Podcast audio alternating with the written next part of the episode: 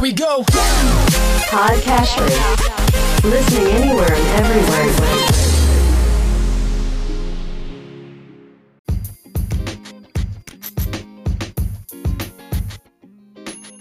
Welcome to Weekly Investment Podcast bersama saya Ferdian Syahputra dari Ispring Investment Indonesia untuk Prudential Indonesia.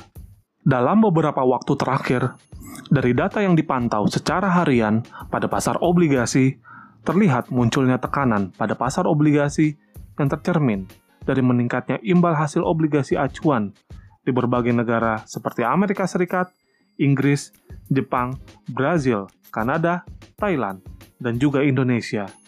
Dalam hal ini, imbal hasil yang meningkat berarti harga obligasi mengalami penurunan. Salah satu sentimen yang mempengaruhi fluktuasi pada pasar obligasi Indonesia dan juga beberapa negara tersebut adalah naiknya imbal hasil obligasi Amerika Serikat. Kenaikan imbal hasil obligasi Amerika Serikat ini disebabkan oleh asumsi bahwa ekonomi sedang menuju perbaikan dan inflasi akan melonjak lebih tinggi setelah kehidupan masyarakat kembali normal.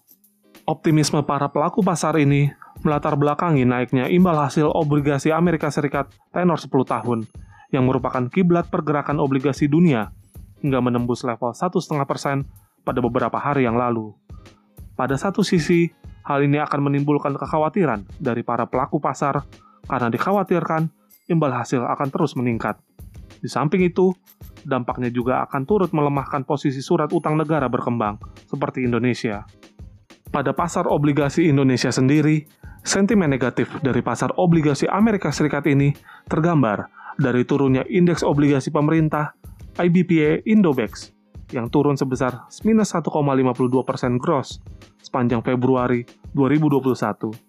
Selain itu, dampaknya juga terasa pada pelemahan rupiah ke level sekitar 14.300 per dolar Amerika Serikat.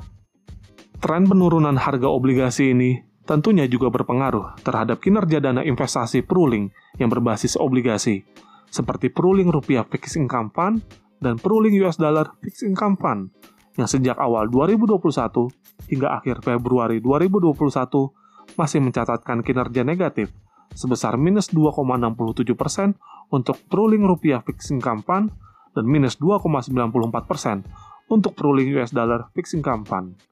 Di tengah tekanan pada pasar obligasi ini, kami melihat instrumen obligasi masih tetap menarik karena ditopang oleh kondisi makroekonomi Indonesia yang relatif lebih baik pada tahun ini, didukung oleh inflasi yang diperkirakan masih terjaga, likuiditas perbankan yang cukup, serta tingkat suku bunga deposito yang terus menurun seiring turunnya suku bunga acuan Bank Indonesia.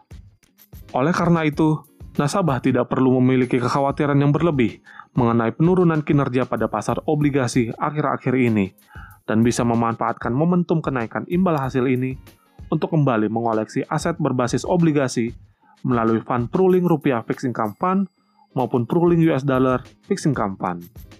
Demikian Weekly Investment Podcast mengenai fluktuasi pada pasar obligasi dan potensi ke depannya. Semoga bermanfaat dan salam investasi.